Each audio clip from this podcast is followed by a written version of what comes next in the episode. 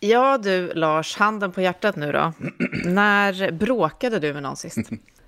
Ja, räknas min fru som jag älskar jättemycket?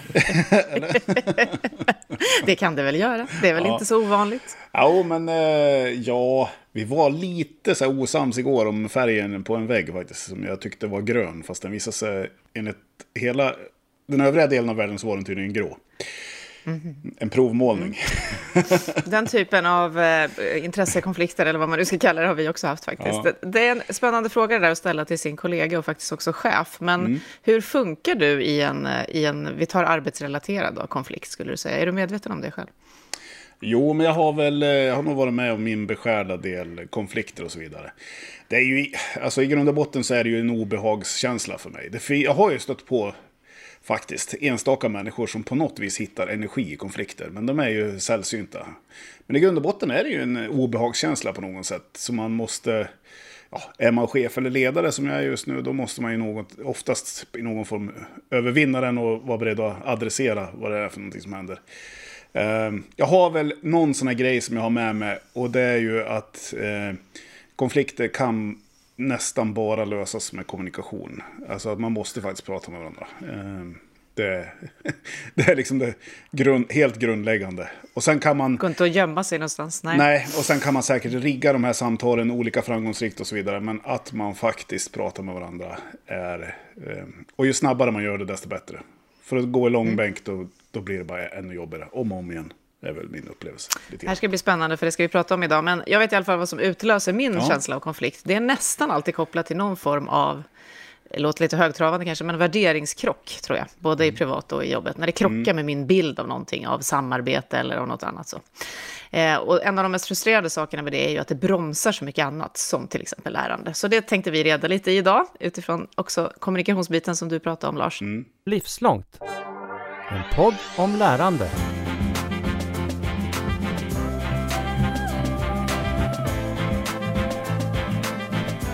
Och för att hjälpa oss så har vi tagit hjälp och bjudit in dig, Thomas Jordan, universitetslektor och docent i arbetsvetenskap vid Göteborgs universitet. Varmt välkommen till mig, Katarina Pietschak mm. och Lars Lingman. Tackar. Välkommen.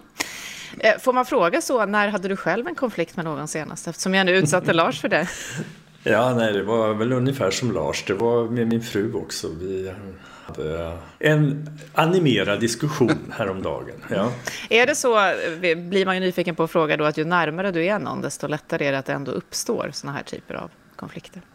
Ja, du var ju inne lite grann på vad som får dig att gå igång och du pratade om värderingar och ehm, jag skulle väl kanske formulera lite annorlunda och säga att eh, de konflikter som sätter igång mest hos en handlar för det mesta om att man är frustrerad över andras bemötande eller beteende. Alltså det finns beteenden där som man, och det, det har ju lite med värderingar att göra. Man tycker inte det är okej. Okay. Man vill inte bli bemött på det sättet, behandlad på det sättet. Eller man tycker att någon annan inte gör vad de borde göra på det sätt de borde göra det och så. Så att det, det är den sortens konflikter som sätter igång mest. Och det är klart att det är naturligt då att det handlar mest om folk som man har ganska nära att göra med.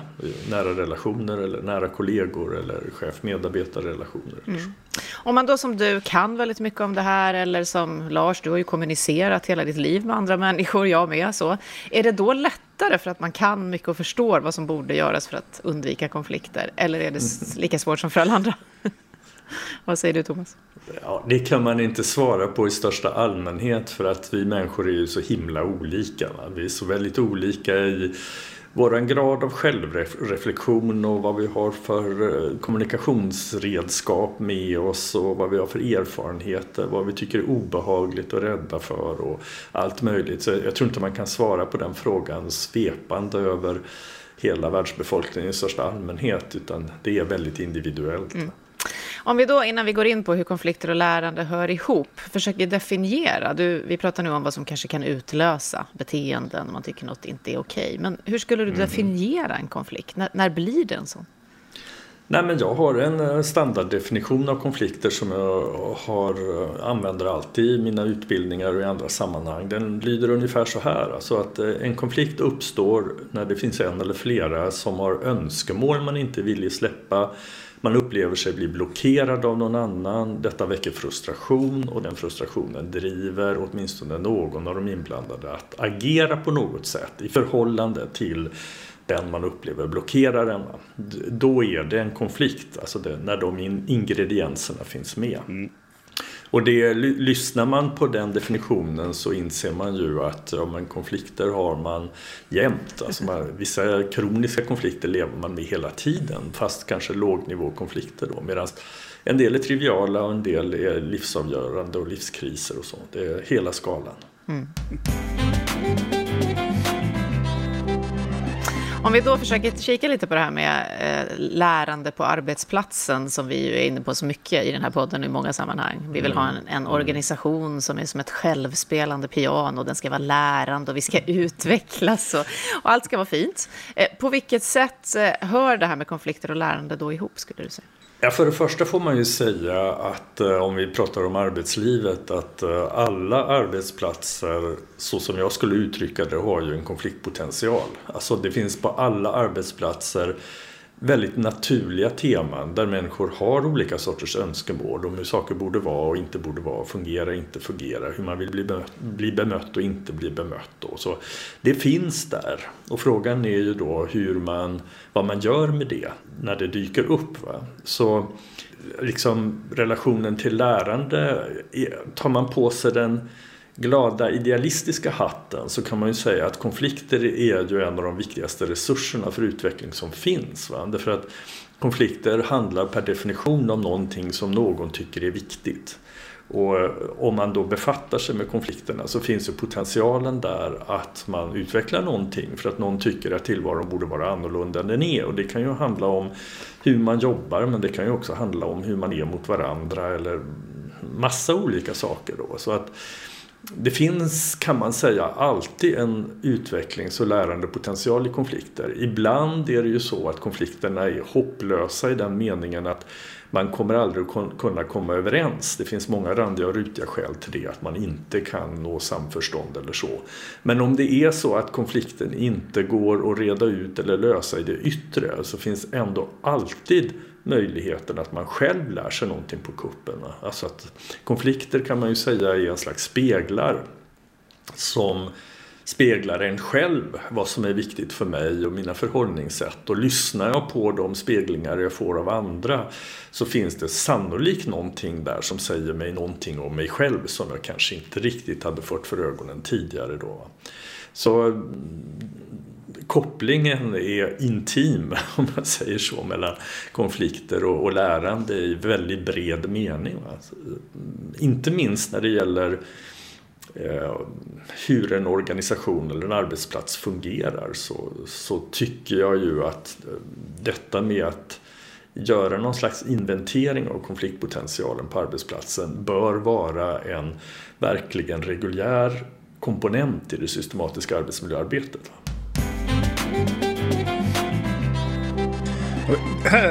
nu kommer jag att tänka på en sak. Jag har en bakgrund från Försvarsmakten i, i många år. Eh, på medeltiden tänkte jag säga, långt tillbaka i tiden. Men, men eh, där fick jag, lärde vi oss ganska mycket om någonting som heter FIRO-cirkeln. Som är ett sätt att beskriva olika gruppers faser av utveckling till, ett, till en fas där man har en väldig eh, samhörighet och en väldig liksom, produktivitet som grupp och så vidare. Och där fanns det en grundtes, kan man säga, som handlade om att man kan inte komma till den här så att säga främsta fasen som grupp, som utveckling, utan att man har haft konflikter i gruppen som man har rett ut och kommit igenom och alla liksom har känt att det på något vis har blivit bra. Eh, jag tror att Försvarsmakten har liksom kanske utmanat det där lite grann, men på den tiden så, att säga, så var det här, vilket gjorde att vi, vi så att säga, i någon mån utsatte de värnpliktiga för sådana situationer som faktiskt i någon utsträckning skulle göra att de verkligen gnuggades mot varandra och sådär. Mm. För att skapa det så fort som möjligt. Eh, vad tänker du om det där? Hur relaterar det till det du precis pratade om? Jag tänker ganska många saker om det. Men jag tänker så här att ja, de där grupputvecklingsmodellerna nu. Nu, nu är det ju Susan Whelans kanske då mm. som har ja, blivit poppis och ersatt den är ju väldigt lik då FIRO-modellen. Mm. Ehm, men de är ju relevanta framförallt i nybildade grupper. Och tittar man runt om på arbetslivet så händer det ju förstås att man bildar nya grupper och då, då är det ganska naturligt då att jag först i, i den här frågan får jag vara med och eh, blir jag godkänd och, och, accepterad och så vidare och sen så kommer den där konfliktfasen. Vilken roll ska jag ha? Så, ja, just det. Mm. Ja, jo, men jag tänker mera på det så, som så då att den där konfliktfasen som man pratar om i grupputveckling den handlar ju i grund och botten om vilken ordning ska råda hos oss, mellan oss. Och det är ju mm. ganska naturligt att man upptäcker efter ett tag när en ny grupp har bildats att man kanske hade lite olika preferenser och syn på hur den där rollfördelningen ska se ut, hur man ska göra saker mm. och vilka roller man ska ha i gruppen och alltihopa detta. Och sen får man ju då försöka arbeta sig igenom det till att hitta en form som man tycker det här funkar och så. Då kan man övergå till att jobba.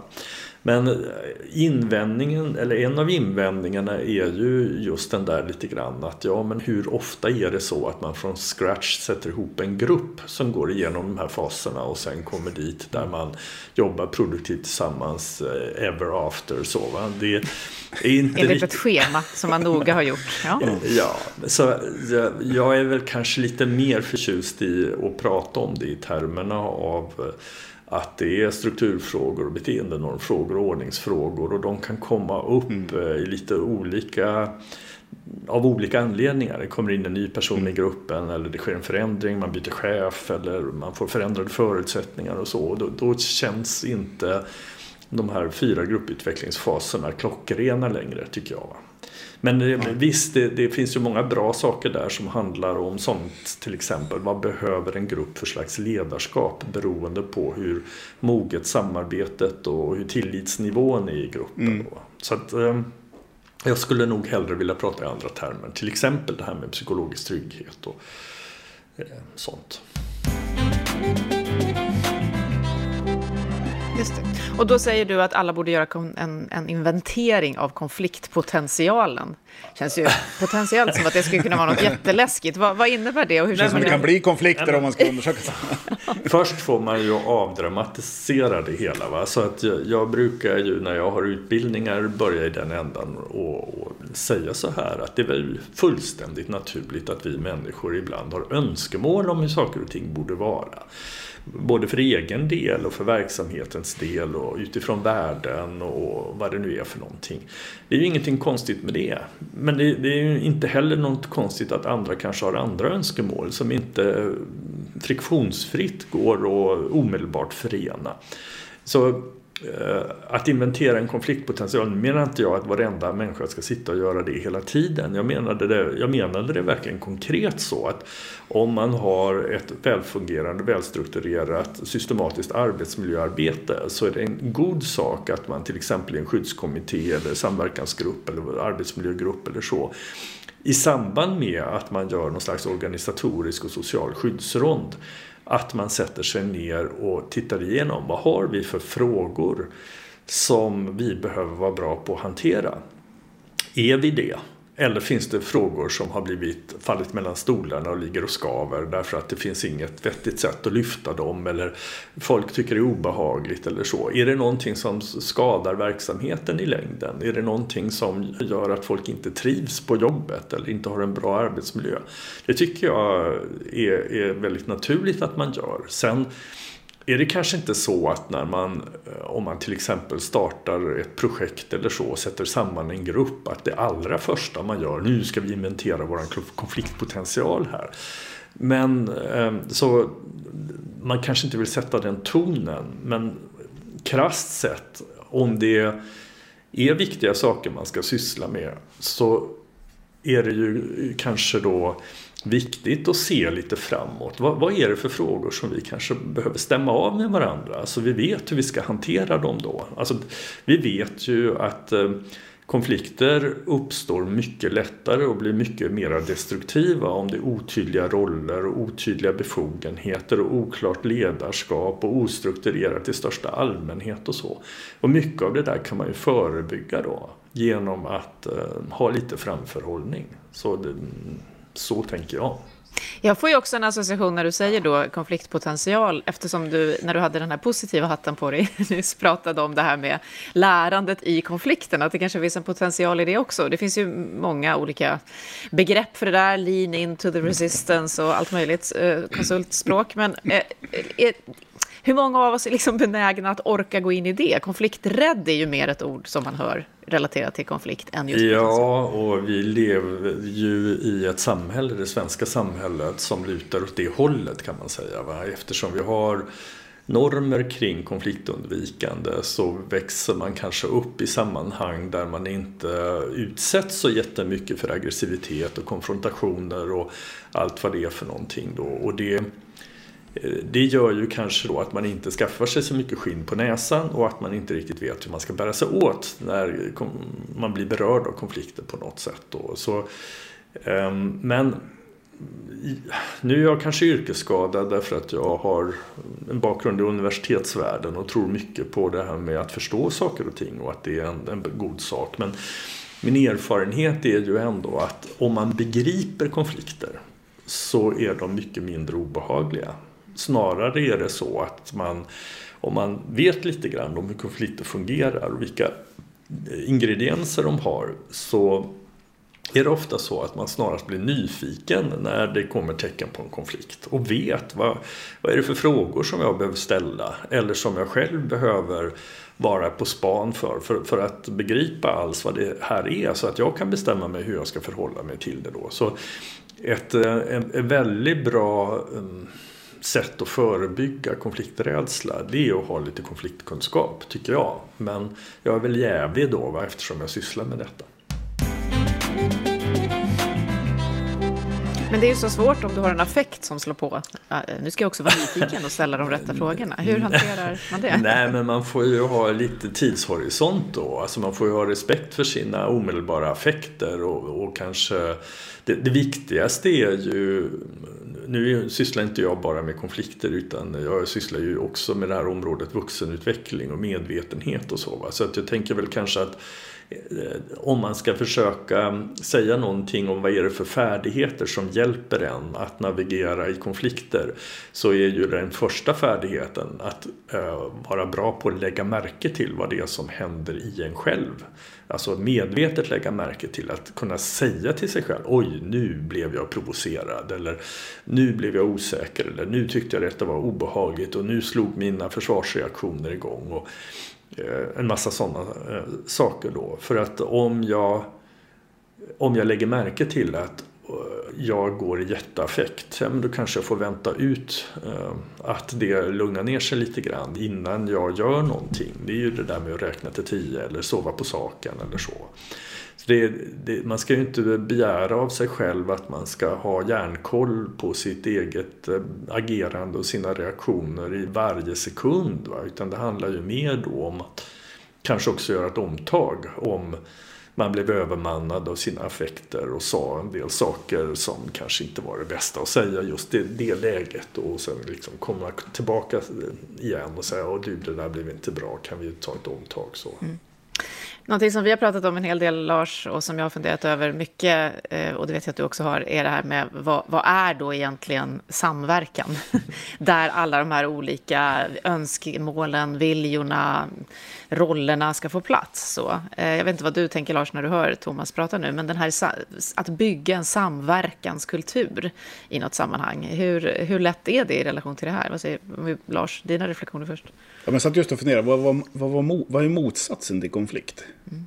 Vad använder man för ord då? Är det samverkan då? Eller det, finns det någon motpol till det eller så? Jag vet inte vad det skulle kunna vara för någonting. Men, ehm, eh, det väcker lite tankar. Alltså, jag kommer tillbaka till typ lite sånt jag har lärt mig och varit med om tidigare. När Thomas pratade här om det, så här, hur, man, hur man kan hantera det här. Och att, eh, som ganska mycket som handlar om ledarskap handlar ju jättemycket om att känna sig själv. Liksom. Och det var ju där du var inne här på, här på hur reagerar jag i de här konfliktsituationerna? Vad, vad sätter det för, för, fart på mig? Vad blir det för krafter i mig och så vidare? Uh, så det, det är ju en sån här grej som... Det handlar ju inte bara om att vara ledare, det handlar ju också om att vara liksom bara medarbetare eller medmänniska i något sammanhang. Att, att om man kan vända på det på något vis, som du är inne på nu, nyfiket titta på det här liksom. Eh, men ja, samverkan, jag vet inte Katarina. Vad, vad tänker du? Nej, men jag tänker just att bygga en robust samarbetskultur såg jag att du hade som en, ett erbjudande, mm. Thomas, när du jobbar med, med dina kunder. Det är också en av dina publikationer. Och då undviker man ju fler konflikter om man har en sån robust kultur. Eller inte nödvändigt. Det, det, det, vill jag protestera mot. Det handlar ju inte om att undvika dem, va? utan det handlar ju om att ta tag i dem på konstruktiva sätt. Mm. Så att det, det, Hantera rätt. Jag har en tysk kollega som skrev en liten skrift, för han jobbade mycket med konflikter i skolor. Och han, och han kall, titeln på den här lilla skriften var Konfliktermöglichung in der Schule, alltså konfliktmöjliggörande i skolan.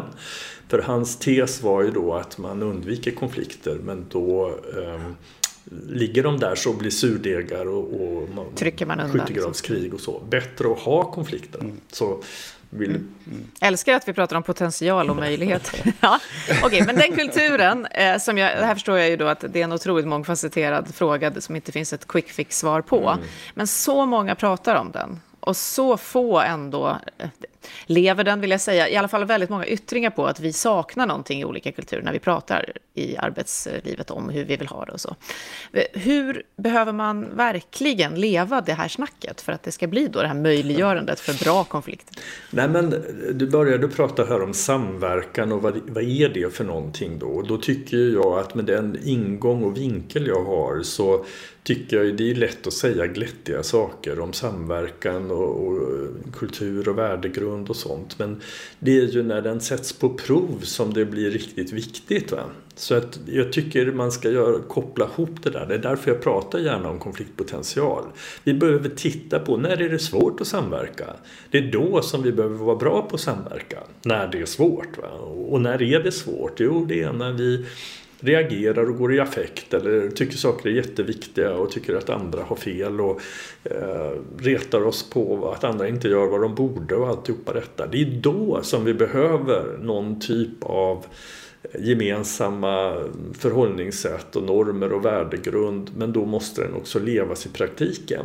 Kanske just precis då när vi går igång. För att har vi en fin värdegrund som bara funkar när allting är frid och fröjd så är den inte värd så himla mycket. Utan så... Men det låter ju som ett väldigt intressant så här, första steg om man nu ska undersöka den här konfliktpotentialen. Mm -hmm. För då fick jag en idé om, då kanske det är så att man ska försöka identifiera vad är det som är svårt för oss. Där vi är i den här gruppen eller i den här och om vi kan hitta det som är svårt, då kan vi också försöka kanske få syn på den här konfliktpotentialen. Mm. Uppfattar jag dig rätt då, Thomas? Eller? Ja, det kan man säga. Sen kan man ju vara mer eller mindre noga hur man lägger sina ord. Va? Om man nu inte vill eh, vara problemfokuserad och svårt och, och, så här så kan man ju mm. säga mm.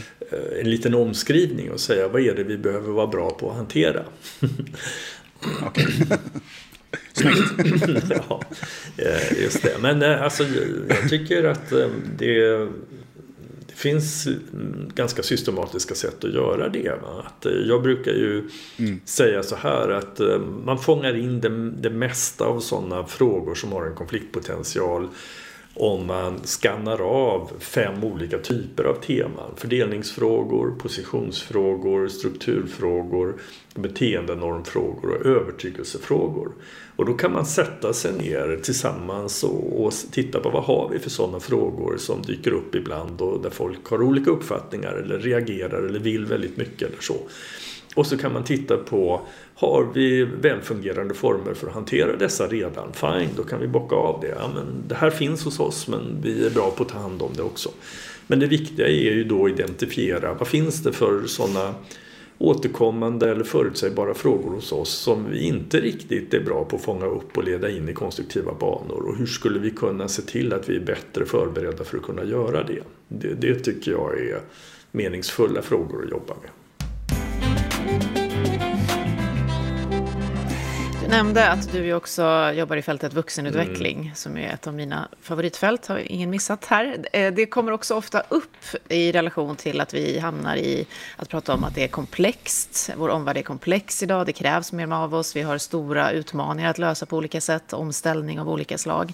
Vi behöver satsa på utveckling kopplat till vuxenutveckling just kopplat till livslångt lärande, sa bland annat Thomas Björkman hos oss i podden tidigare. Vilka är dina tankar om att det här blir så viktigt nu och att det är många som Google kan göra en kurs som heter Search Inside Yourself, men andra som håller på med det kan kallas fortfarande för flummiga. Va, va, va är, var är vi någonstans i det här fältet just nu? Hur många timmar har jag på mig? Du kan få komma tillbaka, men vi tar en teaser ja, nu. Okay. Två minuter. Nej, för det första så jag har ju hållit på med det här temat vuxenutveckling sedan andra halvan av 80-talet. Så samlat på mig rätt så mycket då. Och en sak som jag tycker ändå är lite viktig det är att eh, vi som håller på med det tycker nog att detta är jättespännande och intressant och, och hopp ingivande och så, att det finns möjlighet till utveckling och så. Men jag tycker det är väldigt viktigt att ändå peka på att det inte nödvändigtvis är ett självändamål. Det kan det vara för individen. Jag tycker det är roligt att utvecklas som människa och vad är mitt nästa steg och hur kan jag upptäcka mer om mig själv och, och så. Men jag tycker man, när vi pratar om samhället och organisationer, arbetsplatser, verksamheter och vad det nu är för någonting, eller globala problem och så, då behöver vi ta utgångspunkten i vad är det som är, det är viktigt att vi klarar av. Alltså vad, vad är det för uppgifter vi ställs inför? Och det är ju väldigt olika beroende på var man befinner sig i tillvaron. Va? Är man Sitter man i FN-förhandlingar så är det en sak. Alltså, jobbar man som lärare i förskolan är det en annan sak. Alltså, det, det är olika sorters komplexitet det är frågan om. Men det är också olika saker som är, är viktiga att man har som både helt enkelt färdigheter att kunna förstå saker och ting och, och navigera i dem och så. Men också det här med självinsikt och personlig mognad och förmåga att bibehålla en öppenhet även när man blir provocerad och, och sådana saker. Så det, jag tänker att eh, det inte det räcker inte att prata om det i största allmänhet och så utan man måste liksom titta på kontexten, sammanhanget. Eh, vad är det man är satt att klara av och vad är det man behöver för att kunna klara av den uppgiften på ett bra sätt. Då, då blir det väldigt relevant. Och du har ju ett begrepp där som jag tycker kopplar till det här väldigt bra och som i alla fall för mig eh, är det som gör att vuxenutveckling kommer i spel i olika processer och det är perspektivmedvetenhet. Kan du förklara vad du menar med det? Ja, nej, men det, det är ju inte det enda som är viktigt. Men det, det är viktigt. Men perspektivmedvetenhet är framförallt jätteviktigt när vi just har att göra med komplexa frågor. Där ingen av oss riktigt kan överblicka alla relevanta faktorer för att vi ska kunna hantera det. Och då, då är vi ofta i det som kallas för wicked issues eller svårlösta samhällsfrågor, komplexa frågor som har att göra med klimat och miljö och eh, rättvisa och integration och utanförskap och kriminalitet och folkhälsa och alla de där frågorna. Då. Så att när vi tittar på dem då blir det ju uppenbart att det är ingen som ensam sitter inne på kunskapen eller lösningen. Och då blir det så himla viktigt med perspektivmedvetenhet. För att perspektivmedvetenhet handlar om att, att vara medveten om att man faktiskt ser på världen genom ett perspektiv. Och att det perspektivet har egenskaper som oundvikligen gör att man riktar blicken mot vissa saker och därmed inte mot andra. Att man, att man har vissa föreställningar om hur fungerar det här problemet eller vad, vad, skulle kunna fungera som strategier för att komma, alltså lösa problemet eller så. Man har sådana föreställningar och övertygelser och de har en viss profil. Eh, och om man inte ser det och reflekterar över det och inser att det går att se på det här temat med andra glasögon än mina och då kanske man ser andra saker som kanske också är viktiga att se.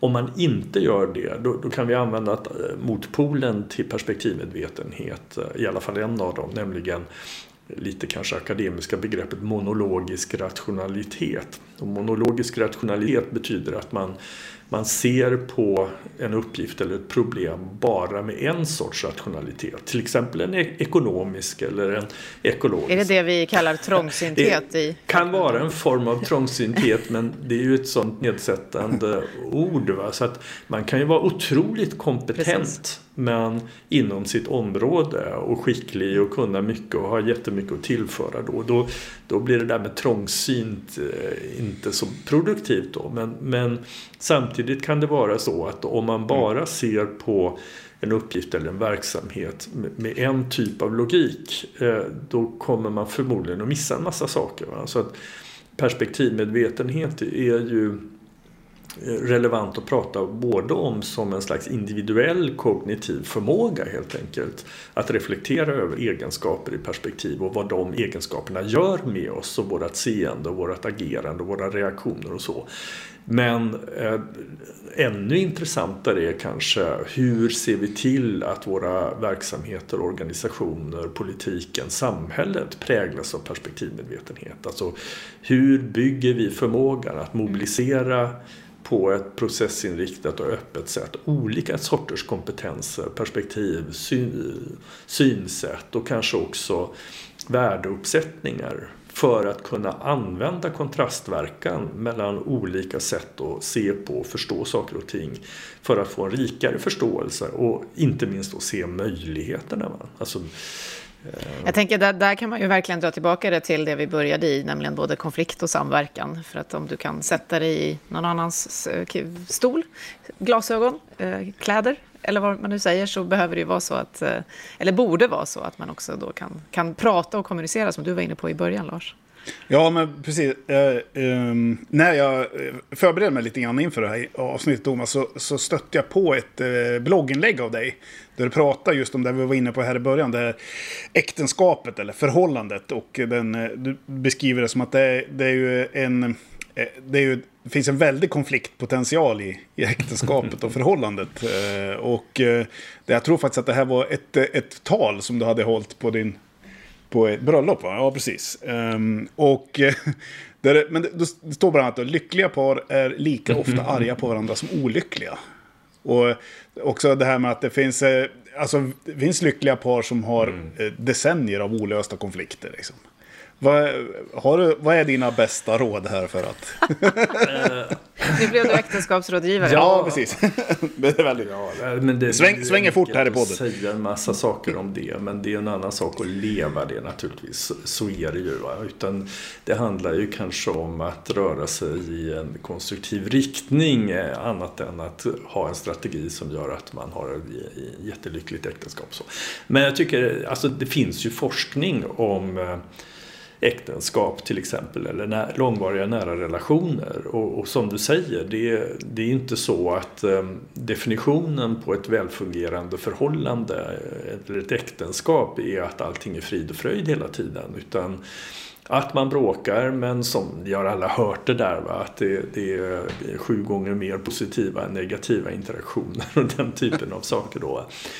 Så att Eh, i grund och botten eh, så är det ju ett arbete man behöver göra med att också själv ta fasta på eh, de positiva sakerna i relationen och eh, stärka dem. Men också lära sig och alltså bli så vuxen att man ser då att ja, men man kan inte få precis allting som man skulle önska i en relation. Utan man, i, man får så småningom kanske också när förälskelsen har gått över och alltihopa detta eh, bli lite pragmatisk. Va? Alltså se på att det, det, måste vara en rimlig balans mellan de positiva sakerna som relationen innehåller och, och, det som saknas eller det som är frustrerande och så.